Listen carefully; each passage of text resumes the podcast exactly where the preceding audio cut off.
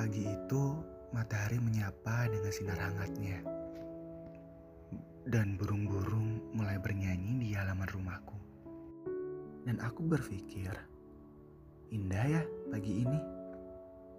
Ponsel biru yang keletakan di atas meja tiba-tiba bergetar. Aneh, tapi itu nyata. Hanya dengan melihat kata, Hai, pagi. Di ponselku, aku bisa tersenyum lebar. Dan di hari itu, aku sangat menantikan kata apa yang selanjutnya akan aku dapat. Namun, seketika aku termenung. Sebuah belati yang sudah tumpul, namun tetap saja memaksakan untuk menusuk. Aku melihat fotomu dengan lelaki itu berpelukan di halaman media sosialku. Tersadar. Rupanya aku hanya pelampiasan.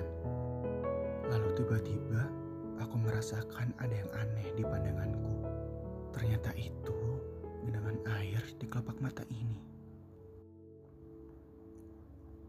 Lalu aku coba perlahan kedipkan kedua kelopak mata ini hingga air itu menetes ke daguku. Apakah seberat ini menelan rasa kecewa? Aku hanya bisa bertanya dengan diriku sendiri secara terus-menerus. Tapi setidaknya ada yang harus kubanggakan dalam menelan pahitnya kecewa ini. Yaitu kau masih tetap bahagia walaupun bersamanya.